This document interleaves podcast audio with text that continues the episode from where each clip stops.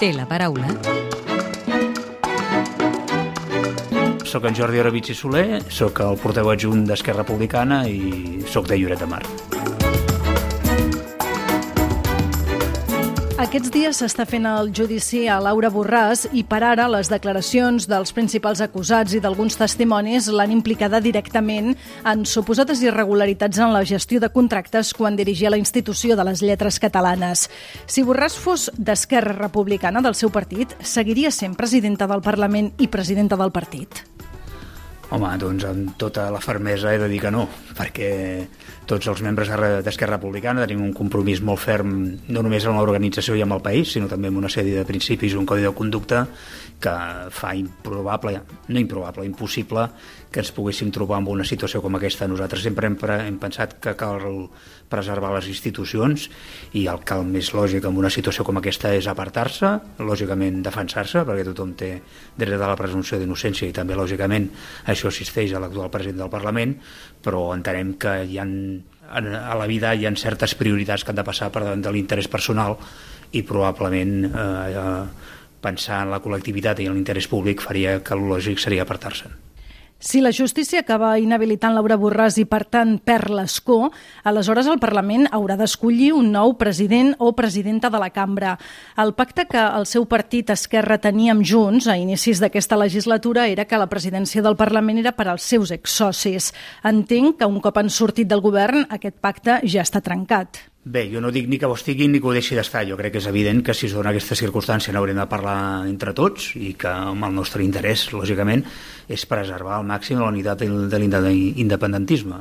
En aquest cas, doncs, haurem d'obrir un procés de diàleg i haurem de trobar la fórmula que faci evident que tots ens hi sentim còmodes i que permeti que el Parlament de Catalunya sigui el que ha de ser, doncs una institució que vella pels drets de tots els ciutadans i que per tant també ho fa d'acord amb una majoria social que va decidir les darreres eleccions que l'independentisme havia de ser eh, eh, la ideologia que tingués la preeminença eh, precisament a la cambra legislativa. No? Crec que serem entre tots capaços de trobar aquesta entesa, aquest punt d'acord i nosaltres sempre hem mostrat la màxima predisposició perquè sigui així.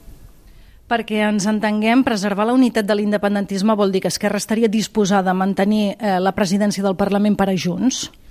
Bé, jo ara no puc pronunciar en aquests extrems, lògicament, com bé, com bé heu dit abans, les circumstàncies han canviat i això no té per què necessàriament comportar una alteració d'allò que es va convenir el seu dia però ni jo sóc la persona ara mateix més adequada per respondre a aquesta pregunta, ni lògicament tampoc sabem les expectatives o allò que les altres formacions eh, polítiques amb interès amb aquesta qüestió puguin posar sobre la taula i per tant jo crec que és un procés que haurem de fer, que no podem anticipar, que l'haurem de discutir i que estic convençut que tindrem la capacitat de, de resoldre de la millor manera pels interessos del país. Aquesta setmana els pressupostos de la Generalitat han superat un nou tràmit. Aquí al Parlament s'han rebutjat totes les esmenes a la totalitat presentades als comptes de cada departament i, per tant, els pressupostos ja tenen via lliure per ser aprovats el 10 de març. Esquerra se sent còmode amb el suport del PSC amb tot el que això comporta, com el quart cinturó o l'ampliació de l'aeroport del Prat. Esquerra sent còmode havent tingut la capacitat, des d'una minoria que no paren de denunciar la resta de grups parlamentaris, d'haver tingut la capacitat de promoure un projecte de pressupostos que en definitiva es tradueix per una millora, amb una millora que té impacte en àmbits tan importants com és el de l'educació, el de la sanitat, amb tantes persones en la renda garantida, en definitiva, una sèrie de millores socials que, que esdevenen d'aquests 3.800 milions d'euros addicionals que no ens podien permetre de cap manera com a país renunciar-hi. No? A partir d'aquí, eh, nosaltres, evidentment, eh, amb un procés de negociació amb aquesta minoria que abans he explicitat, una minoria que tampoc no hem buscat, no hem buscat eh, perquè lògicament podíem tenir eh, aliats perquè no esdevinguessin aquestes circumstàncies, doncs evidentment hem hagut de fer algunes sessions, unes sessions que no tenen un impacte directe a nivell d'infraestructura, sinó que eh, s'articulen amb un conveni, en aquest cas amb l'Estat, per explorar doncs, la viabilitat d'una infraestructura que també vindrà condicionada, evidentment, per tots els projectes i avaluacions ambientals que s'han de fer. No? Per tant, no estem parlant d'una certesa d'infraestructura, estem parlant de la valoració de si és factible aquesta infraestructura i si la seva execució futura també fos viable. També és cert que a dia d'avui ja ens trobem unes majories que fan que aquesta infraestructura tingui un paper rellevant o que, o que sembli que és imprescindible, també en un futur immediat tot pot canviar, tant les majories com les necessitats que puguin, mm, que puguin fer entendre de si ho és o no, o hi ha altres alternatives més viables que per, des del nostre punt de vista existeixen i que no tenen un impacte tan gran al territori.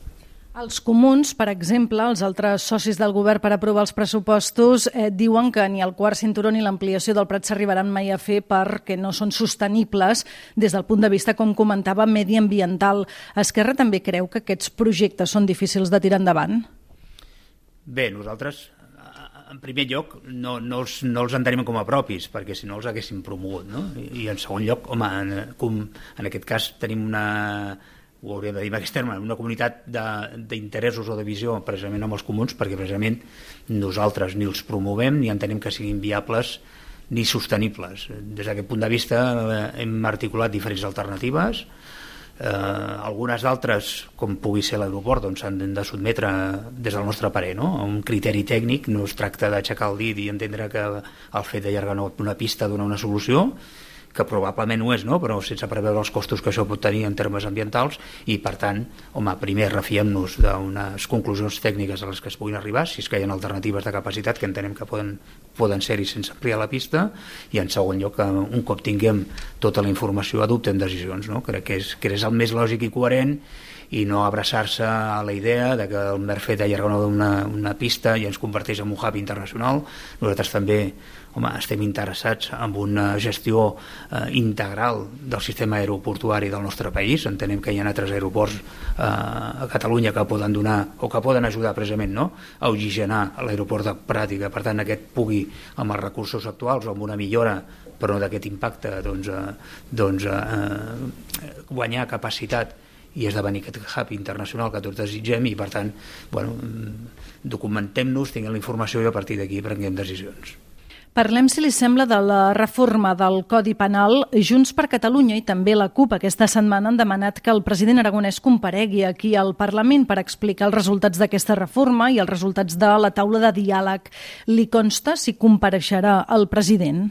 El que em consta és que el president va expressar que estava disposat a fer-ho, no? i per tant haurem de trobar el moment i, estic convençut que serà d'aquesta manera, perquè és que d'altra banda no té res de què amagar-se. Eh?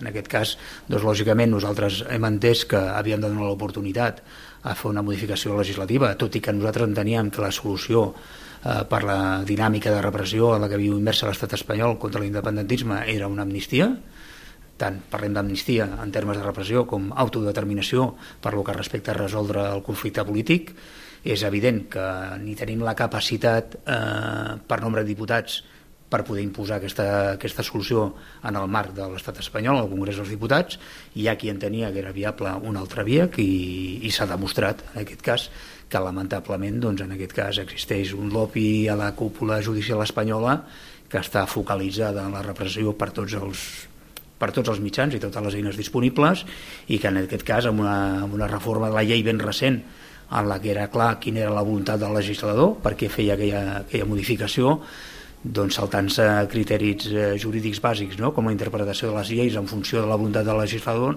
han imposat una altra lectura de la llei que el que fa doncs, precisament és mantenir la repressió. No? Si li sembla bé, ens endinsem ara ja en el terreny més personal i li demano si pot contestar amb respostes al màxim de breu possibles.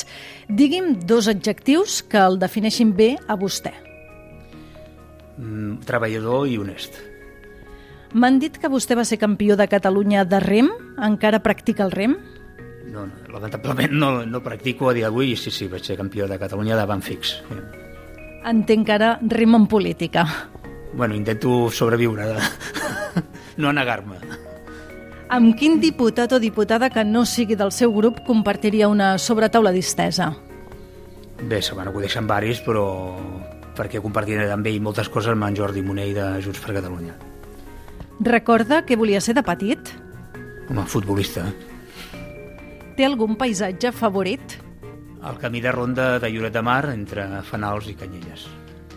Gastronòmicament parlant, què li agrada? Els cargols. Però els cargols, hi tinc d'arrels a lleidatanes, però els cargols que es fan a Girona.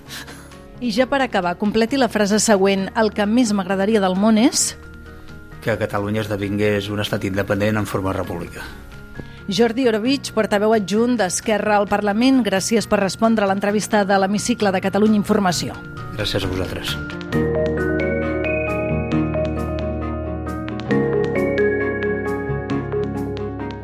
Tornar a escoltar l'Hemicicle al web catradio.cat barra hemicicle o al podcast del programa i seguir l'actualitat del Parlament al perfil de Twitter arroba L-hemicicle.